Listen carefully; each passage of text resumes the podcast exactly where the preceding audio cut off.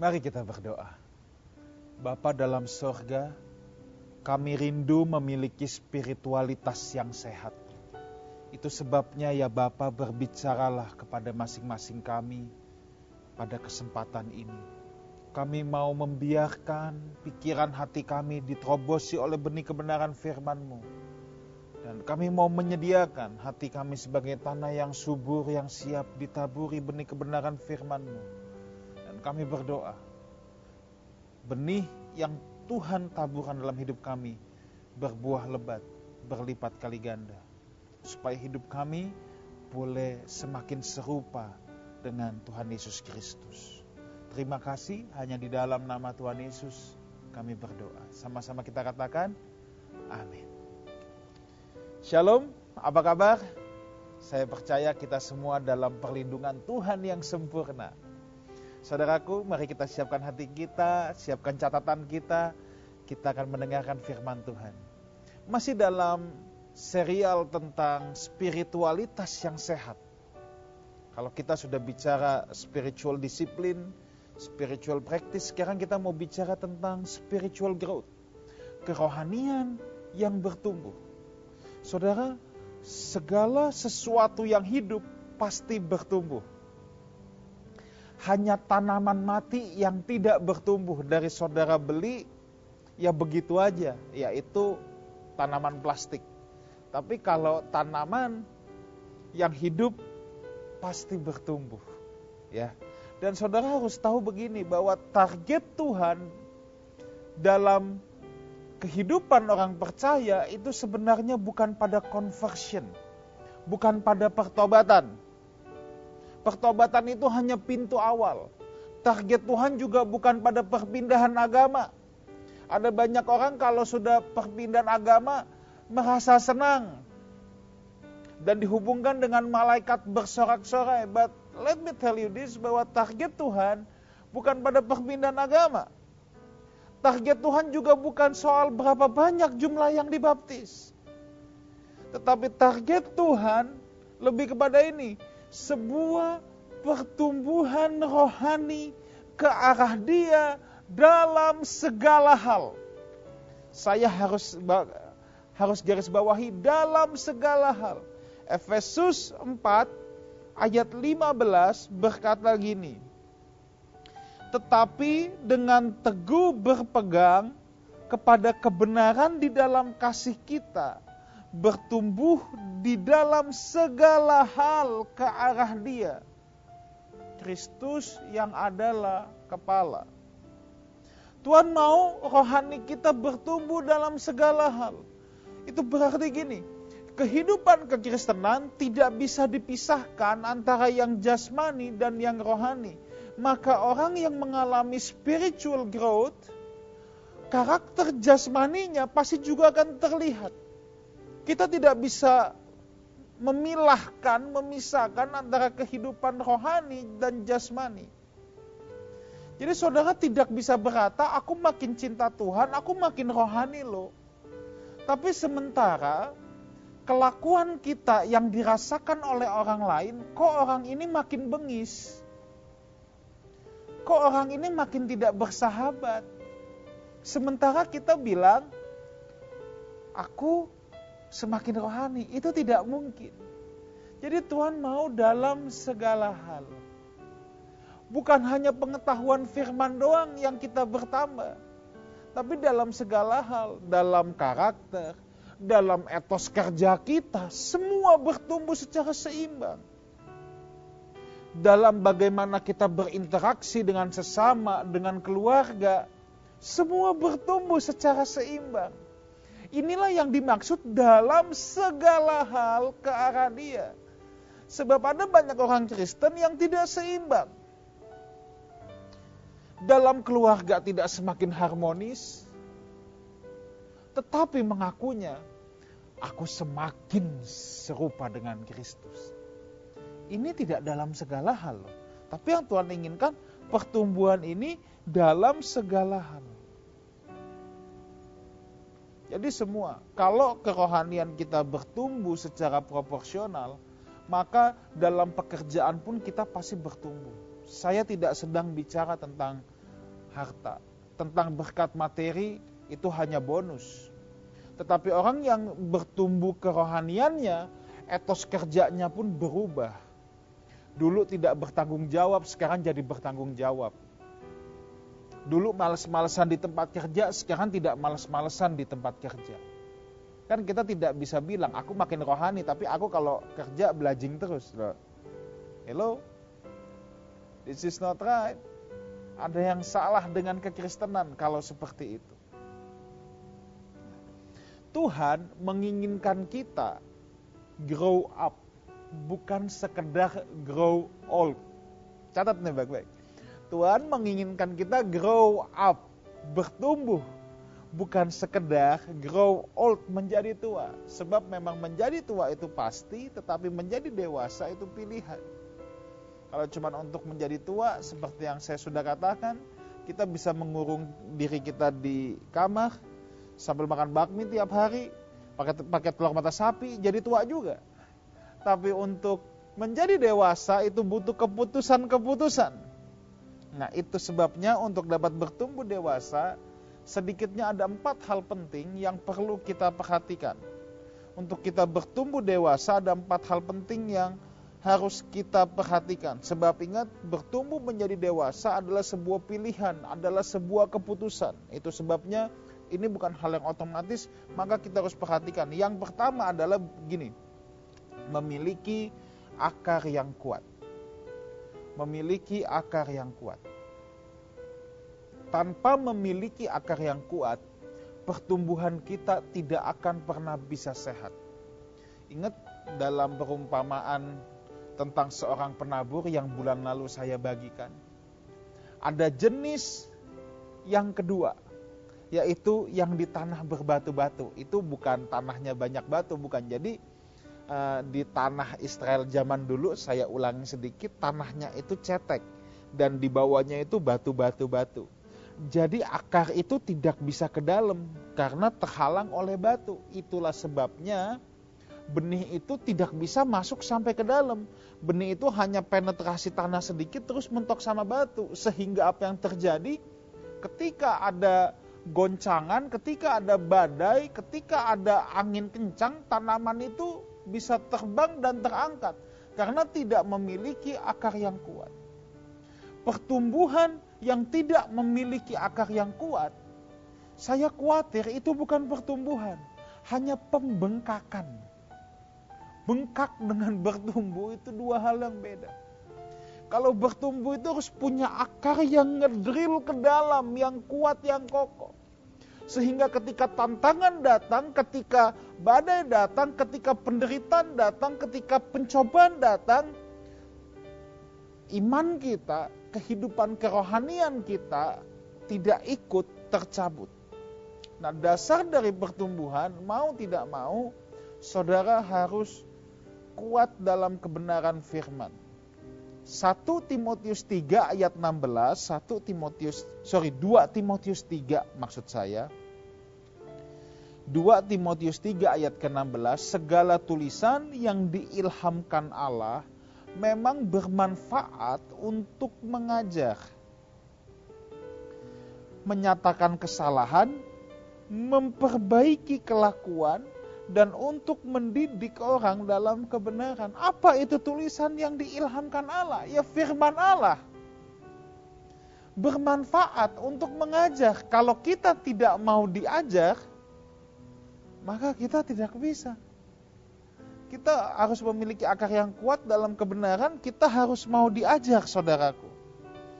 Kita mau diajar, uh, terus tadi apa yang dikatakan, mau berubah dari kesalahan kita, itu kan keputusan. Kan tadi untuk menyatakan kesalahan.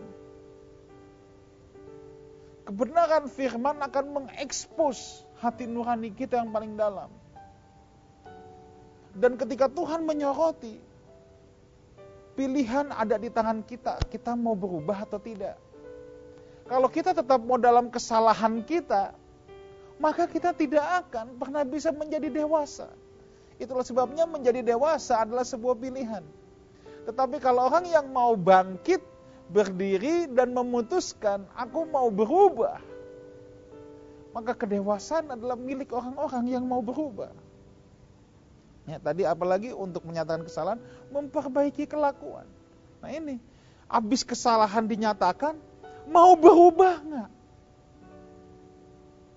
Ada banyak orang yang nggak mau berubah. Ada banyak orang yang tidak ngotot untuk berubah. Tapi saya mau ajak Lifehouse Family yang saya kasihi. Dan di mana pun saudara berada yang menyaksikan acara Lifehouse Sermon ini. Saya mau ajak kita semua untuk berubah. Yuk. Sebab kalau kita tidak berubah, kita tidak akan bisa bertumbuh jadi dewasa. Dan untuk mendidik orang dalam kebenaran, kata Alkitab. Ya, dididik dalam kebenaran. So, yang yang pertama adalah memiliki akar yang kuat. Dalam Injil Matius dikatakan, nanti akan ada angin datang, banjir datang, hujan datang. Hujan itu bicara dari atas. Banjir itu dari bawah, angin dari samping. Itu apa? Tantangan hidup itu bisa datang dari segala arah. Tapi berbahagialah orang yang memiliki akar yang kuat. Dia akan terus bisa bertumbuh di tengah tantangan hidup. Sekarang kita dalam situasi sulit, saudaraku, di COVID-19 ini dan akan terlihat orang-orang yang memiliki akar yang kuat. Yang sekalipun dalam himpitan, dia tetap tegak berdiri. Dia tetap tidak menyangkali imannya. Dia tetap setia kepada Tuhan. Dia tetap tidak mengurangi cara hidupnya, cara ibadahnya kepada Tuhan. Akan terlihat. Itulah sebabnya miliki akar yang kuat. Yang kedua, yang kita harus perhatikan tentang pertumbuhan rohani. Pertumbuhan melalui ketekunan dan pencobaan. Through the trials. Yakobus 1 ayat 2 sampai 4 saya akan baca. Saudara-saudaraku, anggaplah sebagai suatu kebahagiaan apabila kamu jatuh ke dalam berbagai-bagai pencobaan Sebab kamu tahu bahwa ujian terhadap imanmu itu menghasilkan ketekunan. Dan biarkanlah ketekunan itu memperoleh buah yang matang. Supaya apa? Supaya kamu menjadi sempurna dan utuh, kamu menjadi bertumbuh dan tak kekurangan suatu apa pun. Yang menarik di sini, Yakobus mengawali dengan anggaplah sebagai suatu kebahagiaan. Saudara, tidak ada pencobaan yang enteng. Tidak ada pencobaan yang bikin kita nyengir-nyengir kuda, saudara. Namanya juga pencobaan. Pasti membuat kita susah hati. Tapi penulis kitab Yakobus berkata, anggaplah suatu kebahagiaan. Di sini penulis kitab Yakobus sedang menasihati jemaat Tuhan untuk switch the mind, switching the mind. Makanya anggaplah suatu kebahagiaan. Aslinya sih kagak bahagia. Loh iya dong, makanya disuruh anggaplah. Ya nggak ada orang yang dapat pencobaan sebenarnya berbahagia, tetapi sekarang kita dipaksa switch our mind. Ketika pencobaan, trials, ujian dalam hidup kita itu datang, kita harus berbahagia. Sebab rupanya the trials ini, pencobaan ini adalah ajang supaya kita bertumbuh. Ajang supaya kita bisa bertumbuh saudara. Jangan takut dengan ujian. Orang yang gak pernah ujian gak akan pernah naik kelas. Takutlah sama ujian. Aku gak mau ikut ujian. Nah, kalau masih sekolah atau kuliah, nggak mau ikut ujian, ya nggak apa-apa, ngulang lagi tahun selanjutnya. Itulah sebabnya penulis kitab Yakobus berkata anggaplah suatu kebahagiaan. Artinya apa? Saya tahu ini nggak enak, saya tahu ini susah, tapi ya udah anggap aja kebahagiaan. Kan gitu. Anggap aja sebagai kebahagiaan. Sebab kamu tahu bahwa ujian terhadap imanmu itu menghasilkan ketekunan. Hanya orang yang tekun yang bisa melewati pencobaan. Dan ketekunan itu loh yang membuat kita dewasa. Makanya di ayat keempat, dan biarkanlah ketekunan itu memperoleh buah yang matang. Kita jadi matang, jadi dewasa, jadi mature. Kalau dalam NIV itu gini, perseverance must finish its work so that you may be mature and complete, not lacking anything. Jadi ketekunan itu yang akan membuat kita jadi komplit, jadi mature, jadi dewasa, jadi bertumbuh. Tapi orang sulit tekun. Sulit bisa punya ketekunan kalau tidak mau menghadapi pencobaan. Sebab ketekunan kalau menurut kitab Yakobus, ujian terhadap iman itu loh yang menghasilkan ketekunan sebenarnya kita nggak usah takut apa yang namanya ujian. Kenapa saudara? Yang namanya ujian sebetulnya kita sudah tahu jawabannya. Oh ya? Seperti di sekolah, anak SD kelas 6 ya dikasih ujian anak kelas 6. Nggak mungkin dikasih ujian anak SMP. Pasti gurunya kasih ujian apa yang sudah pernah dipelajari persoalannya kan gurunya nggak mungkin kasih ujian apa yang nggak pernah dipelajari. Apalagi Tuhan yang maha adil, maha bijaksana. Ketika Tuhan berikan ujian, sebenarnya kita sudah tahu jawabannya. Tetapi banyak kita yang menjadi ignorance. Kita menjadi ignorance, itu persoalannya. Kalau ada anak yang nggak bisa menjawab ujian, itu bukan karena nggak pernah diajarin tapi lebih kepada dia bisa lupa, bisa ignorance, bisa nggak belajar, bisa banyak faktornya. Tapi sebenarnya itu sudah pernah diberitahu. Nah itulah sebabnya saudara harus terus berkoneksi dengan Tuhan, memiliki hubungan dengan Tuhan. Saudara harus terus kokoh dalam kebenaran, terus mengulang-ulang apa yang saudara telah pelajari, supaya ketika ujian itu datang, itu bukan jadi momok yang menakutkan buat kita.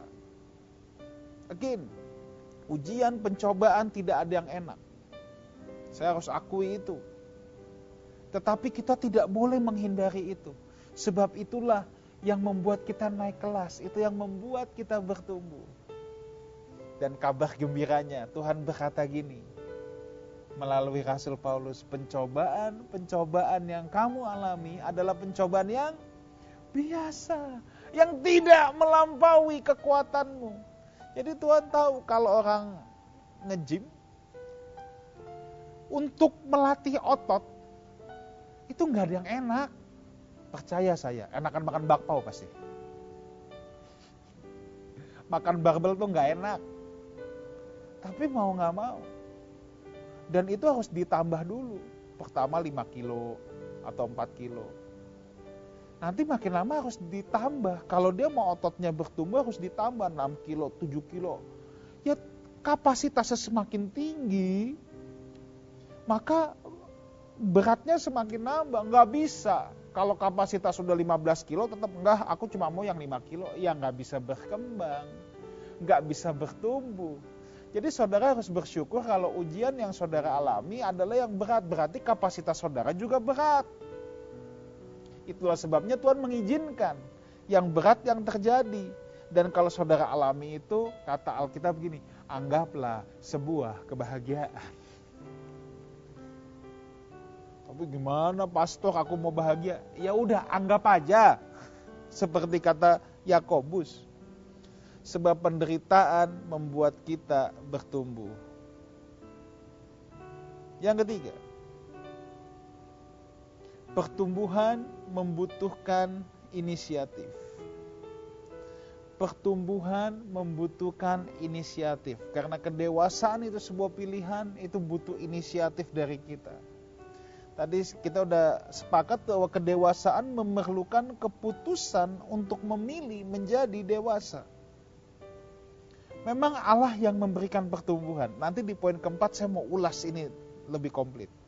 Tetapi kita harus memutuskan untuk menjadi tanah yang mau disirami dan ditanam oleh Tuhan. Kita yang harus berinisiatif menjadi tanah yang baik. Itu sebabnya ada banyak orang yang dengar firman yang sama, outcome-nya tuh bisa beda-beda. Itu semua tergantung inisiatifnya. Kalau tadi kita baca di, di 2 Timotius 3 ayat 16, segala tulisan yang diilhamkan Allah memang bermanfaat untuk mengajar. Ada orang yang inisiatif mau belajar. Tapi ada orang juga yang nggak pernah mau belajar, dia nggak punya inisiatif untuk mau belajar. Bahkan pelajaran kurikulum sudah diberikan pun dia cuek bebek saja. Nah pertumbuhan itu membutuhkan inisiatif. Amati semua peristiwa yang terjadi dalam hidup kita. Amati dengan baik, amati dengan cermat. Kurikulum apa, pelajaran apa yang Tuhan sedang berikan Jangan sampai kita dapat persoalannya, kita dapat trialsnya, kita dapat ujiannya, tapi kita nggak pernah tahu pelajarannya. Kesulitan hidup bisa dua hal. Yang pertama karena kesalahan kita sendiri. Kalau karena kesalahan kita sendiri, bertobat. Bertobat berbalik dari jalan-jalan yang salah. Tetapi kadangkala kita sudah bikin yang benar. Kita udah berusaha tidak bikin salah, tapi tetap juga datang. Yang namanya pencobaan ujian karena memang pasti datang sebab Tuhan mau kita bertumbuh. Saudara bikin baik pun pencobaan itu pasti datang. Because God wants us grow up. Not just grow old. Grow old itu pasti. Nah untuk yang satu ini, kita jangan bilang, ah kalau gitu mungkin aku bikin salah aja. Oh jangan. Saudara justru nggak akan bisa bertumbuh kalau sengaja bikin salah. Tapi yang benar adalah kita harus berinisiatif. Ketika kita udah berusaha hidup benar, hidup di kaki Tuhan, hidup sesuai dengan apa yang Tuhan firmankan. Ketika kesulitan itu datang yang akan merangsang pencobaan, kita harus berinisiatif. Mencari apa nih yang Tuhan mau belajar. Apa yang Tuhan mau aku pelajari. Aku mau naik kelas lagi. Kurikulum apa nih yang aku harus lahap sekarang. Nah ini penting saudara ya. Ini penting ketika orang mendengarkan firman Tuhan dengan sikap hati yang beda, dengan inisiatif yang beda, si A sama si B gitu, bisa sama-sama datang ke gereja. Yang satu bisa berkata, aku diberkati oleh kebenaran firman Tuhan. Firman Tuhan ini tadi uh, menegur saya, memberikan saya ini, uh, inspirasi. Tapi mungkin si B yang nyanyi lagu yang sama, duduk di kursi yang sama, sound systemnya juga sama, semuanya sama, tapi mungkin si B bisa berkata, gue nggak dapat apa-apa. Apa yang membedakan? Inisiatifnya yang membedakan.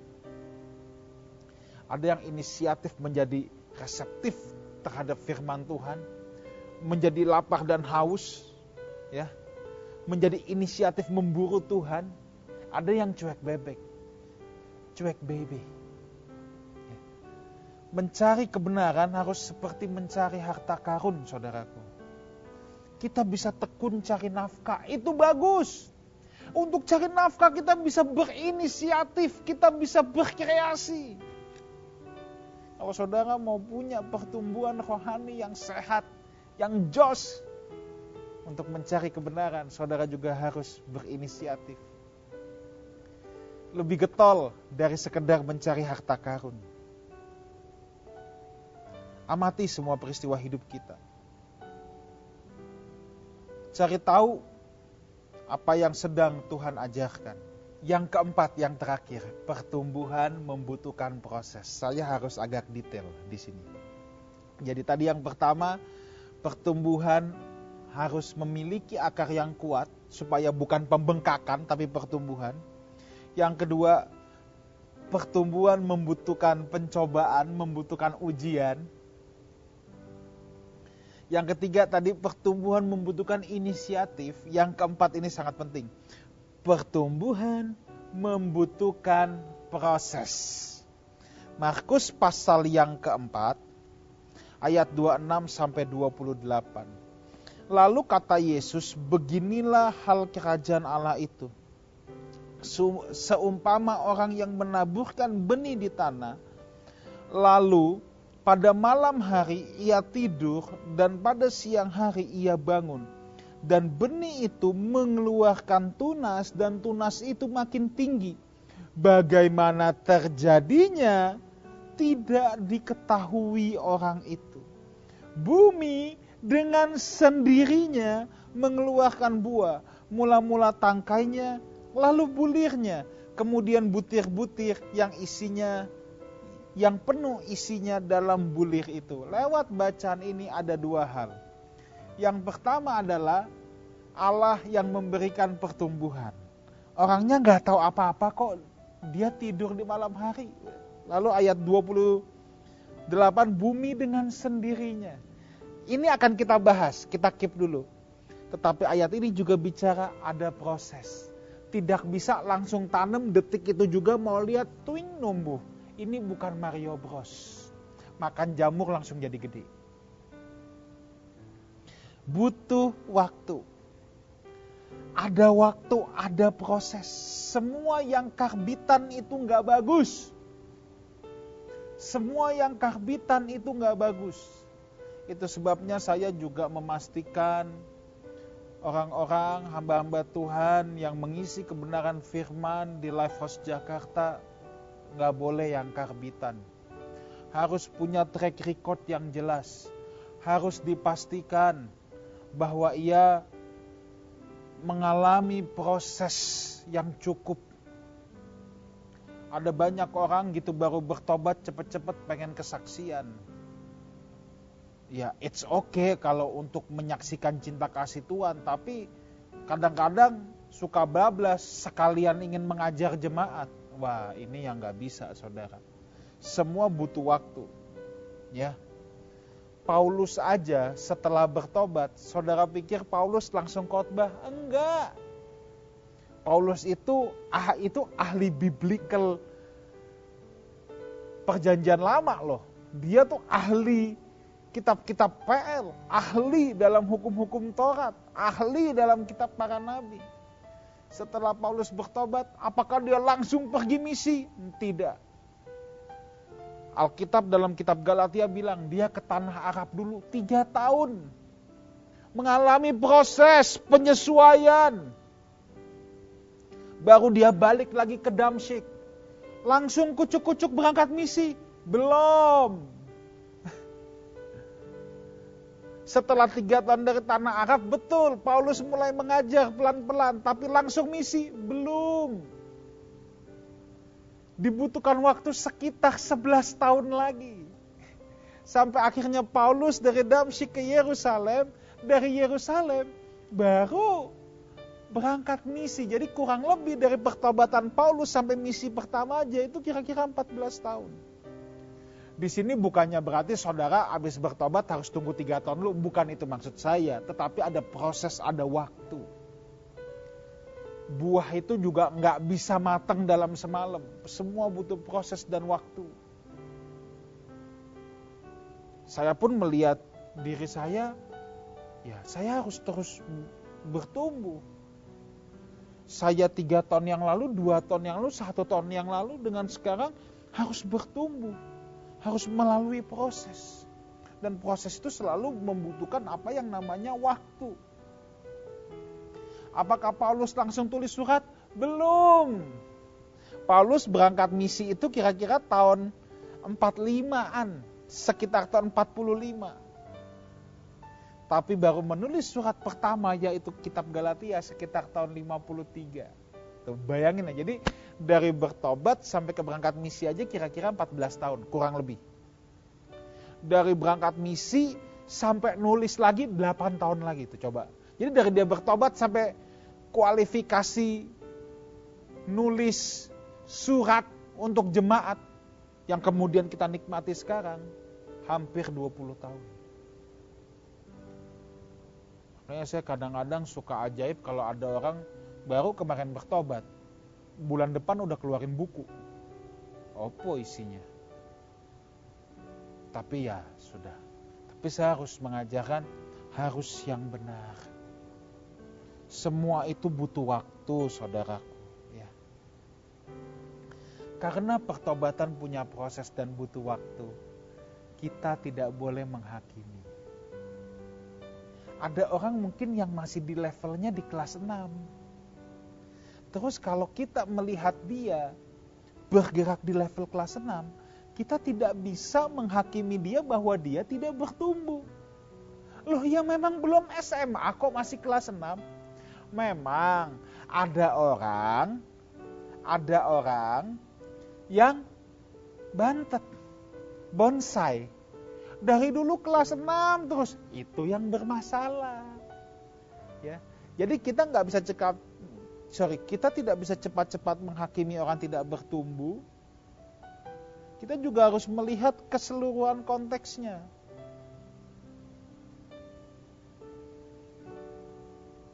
kalau memang dia masih kelasnya di kelas 6 ya kita nggak bisa expect dia melakukan hal yang SMP dan SMA. Nah itulah sebabnya kita yang harus mengecek diri kita sendiri. Jangan sampai secara umur rohani harusnya kita sudah tua. Tapi kelakuan rohani kita masih anak-anak, itu masalah. Makanya topik spiritualitas yang sehat minggu depan, saudara tetap ikuti. Yang terakhir adalah spiritual check up harus dicek. Ya saudara ya, harus dicek.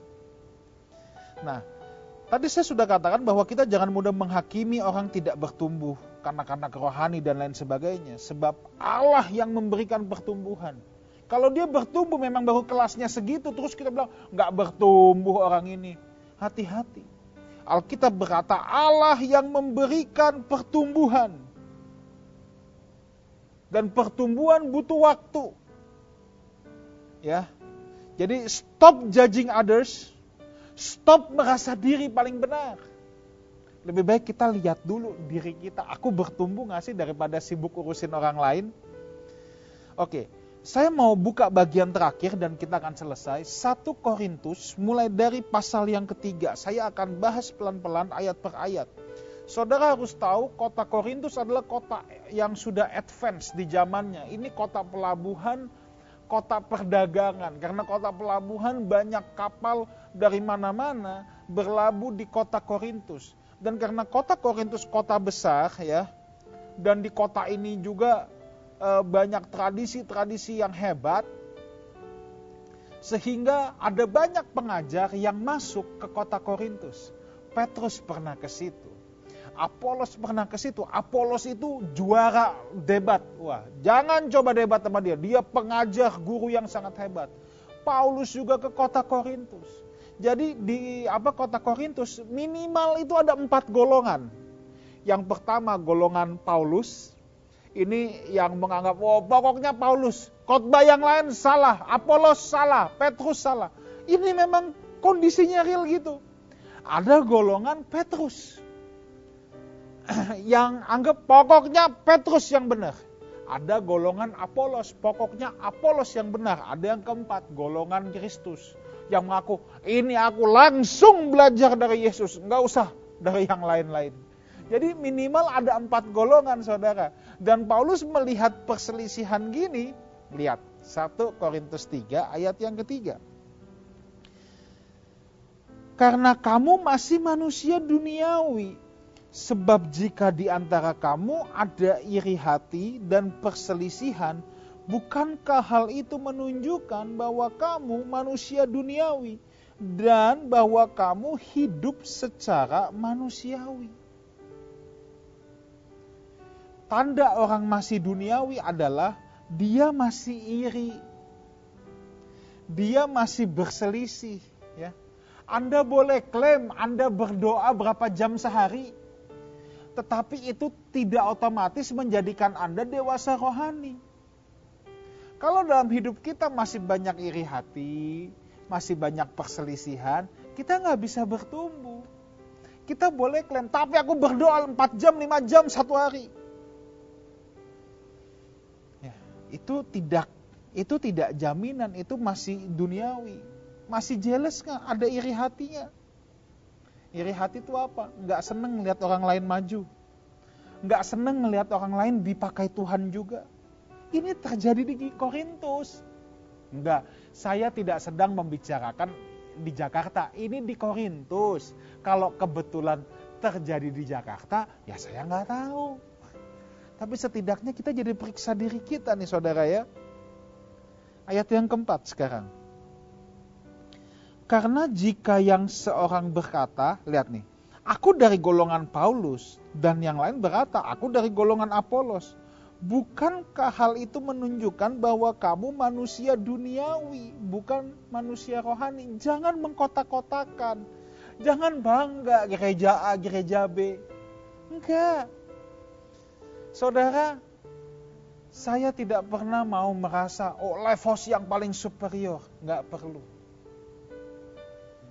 tetapi saudara harus mencari komunitas di mana saudara bisa bertumbuh. Kalau saudara bisa bertumbuh kerohanian saudara di Life House Jakarta, tanggung jawab saya untuk menanam dan menyiram benih kebenaran firman Tuhan. Nanti kalau kita baca ke bawah, tetap Tuhan yang berikan pertumbuhan. Saya tidak bisa pongah dan sombong berkata karena firman saya loh Anda bertumbuh. Enggak. Nanti kita lihat. Ya. Kalau saudara nggak cocok di live house pun, itu belum tentu loh, belum tentu berarti saudara duniawi, belum tentu. Ibaratnya bunga tulip tumbuh subur di Belanda, ditanam di Cibubur, nggak tumbuh dia Bukannya berarti tanah di Cibubur itu salah, belum tentu. Ya memang bunganya nggak cocok, cocoknya yang ini di Belanda, bukan di Cibubur. Nanti pasti ada bunga yang cocok di Tangerang, tapi nggak cocok di Belanda. Memang saya mengerti ada banyak faktor. Ada orang yang nggak bertumbuh karena memang dasar dari orangnya tapi saya ini bicara kalau kondisi normal, kalau kondisi semua baik-baik saja. Ya. Ya kan ada orang yang bertumbuh dalam keteduhan dengan Tuhan. Yang diem, dia mau gereja yang tenang. Ada yang lah tuh, ah kurang semangat nih, kurang bergairah nih. Ya kan bisa macam-macam saudara ya. Itulah sebabnya target kekristenan itu hanya satu, ya Jangan dikotak-kotakan. Target kekristenan gereja apa pun itu cuma satu, menjadi seperti Kristus. Kalau targetnya tidak menjadi seperti Kristus atau bertumbuh dalam segala hal ke arah Dia, itu yang jadi masalah. Ya, soal warna bentuk ya itu terserah. Carilah wadah yang cocok. Yang penting wadah di mana saudara bertumbuh. Kalau saudara di live house, pastikan saudara semakin seperti Tuhan Yesus, bukan semakin seperti dunia ini. Itu aja. Kalau yang kita harus pastikan. Ayat yang kelima sekarang. Jadi apakah Apolos, apakah Paulus, pelayan-pelayan Tuhan yang olehnya kamu menjadi percaya, masing-masing menurut jalan yang diberikan Tuhan kepadanya. Jangan merasa diri paling benar. Makanya Paulus bilang, apakah Apolos, apakah Paulus? Tuhan itu kreatif, jalannya tidak terselami, makanya masing-masing menurut jalan yang diberikan Tuhan kepadanya. Jangan memaksakan pengalaman pribadi kita diterapkan pada kerohanian orang lain dan menganggap kalau orang lain tidak melakukan dan tidak mengalami seperti yang saya alami, berarti dia tidak bertumbuh. Kita tidak bisa judging seperti itu. Sebab Tuhan itu terlalu kreatif. Tuhan itu tidak bisa kita rumuskan A tambah B sama dengan C. Nggak bisa. Tuhan itu punya kreativitas yang luar biasa. Makanya di tengah perselisihan jemaat yang padahal harusnya bertumbuh, makanya Paulus berkata gini, pelayan-pelayan Tuhan, siapa sih Apolos, siapa sih Paulus? Dia menunjuk loh pada dirinya sendiri. Pelayan-pelayan Tuhan yang olehnya kamu jadi percaya. Memang kamu percaya melalui aku, kata Paulus. Masing-masing menurut jalan yang diberikan Tuhan kepadanya. Jadi jalan si A, jalan si B belum tentu sama. So please, kita jangan memaksakan pengalaman kita pada orang lain. Jalan di mana Tuhan membawa saudara jalan belum tentu belum tentu jalan yang sama yang Tuhan bawa untuk orang lain lalui. Ayat ke-6. Ini yang hebat. Aku menanam. Memang Injil pertama masuk dari Paulus. Apolos menyiram. Tetapi Allah yang memberi pertumbuhan. Jadi pertumbuhan itu selain proses Allah yang memberikan. Jangan klaim. Saya nggak boleh klaim. Karena khotbah saya kan saudara bertumbuh. Saya nggak bisa klaim begitu. Allah lah yang memberikan pertumbuhan. Mungkin porsi saya menanam dalam hidupmu. Mungkin porsi saya menyiram dalam hidup saudara. Tapi pertumbuhan itu datang dari Tuhan. Ayat yang ketujuh, apa maksudnya? Karena itu yang penting. Bukan yang nanam yang penting. Bukan yang nyiram yang penting. Not me. All glory for God alone. Not me. Kemuliaan hanya untuk Tuhan, sebab Tuhan yang memberikan pertumbuhan. Itu yang Paulus katakan. Wah, hebat sekali saudara ya. Saya tidak boleh take credit on it. Pertumbuhan adalah proses dari Tuhan. Bukan karena saya, karena Tuhan semata. Ayat yang ke-8, sedikit lagi kita selesai. Baik yang menanam maupun yang menyiram adalah sama Jangan pongah, jangan sombong. Dan masing-masing akan menerima upahnya sesuai dengan pekerjaannya sendiri. Memang kemudian diuji. Nanti kalau di ayat ke-14 dan 15, hasil pekerjaan diuji dengan api. Masing-masing orang akan menerima rewardnya. Oke, okay, but that's not our business. Tuhan yang akan mem, Tuhan yang akan menguji, Tuhan yang akan menentukan pekerjaan mana yang baik. Tapi tugas saya menanam, menyiram sebaik-baiknya. Dan membiarkan Tuhan yang memberikan pertumbuhan kepada saudara. Saya hanya memberikan guideline. Supaya bisa merangsang pertumbuhan itu. Tapi ini semua adalah urusan saudara dengan Tuhan. Urusan pribadi saudara dengan Tuhan. Ayat 9, ayat yang terakhir. Karena kami adalah kawan sekerja Allah, kamu adalah ladang Allah, bangunan Allah. Itulah sebabnya kita harus jadi kawan sekerja Allah. Jemaat Tuhan, dunia ini adalah ladang Allah. Yuk, saya rindu Life House Jakarta menjadi penuai-penuai.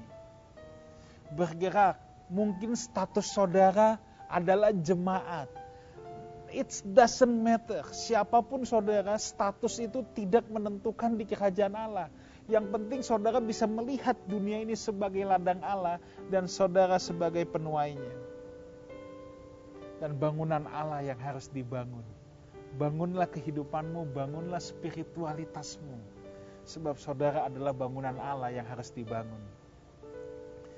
Tuhan memberkati kita semua. Haleluya. Amin. Mari kita berdoa.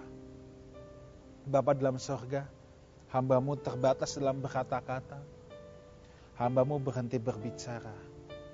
Hambamu menunaikan tugas hambamu, menanam, menyiram, dan pertumbuhan hambamu serahkan dalam tangan Tuhan yang kuat. Terima kasih Bapa. Sekarang angkatlah kedua belah tanganmu dan terimalah berkat Tuhan. Kiranya Tuhan menyinari saudara dengan kemuliaan yang ada pada wajahnya Tuhan memberkati pekerjaanmu, Tuhan memberkati keluar masukmu, Tuhan memberkati apa pun yang engkau lakukan, sebab engkau lakukan itu untuk kemuliaan nama Tuhan. Dan kiranya berkat dari Allah Bapa, cinta kasih kasih karunia dari Tuhan kita Yesus Kristus, persekutuan yang indah dan yang manis dengan Roh Kudus, menyertai kita semua sampai Maranatha, Tuhan Yesus datang untuk yang kedua kalinya, menjemput saudara-saudaranya yang hidup berkenan di hadapannya. Sama-sama kita katakan, amin. Tuhan memberkati.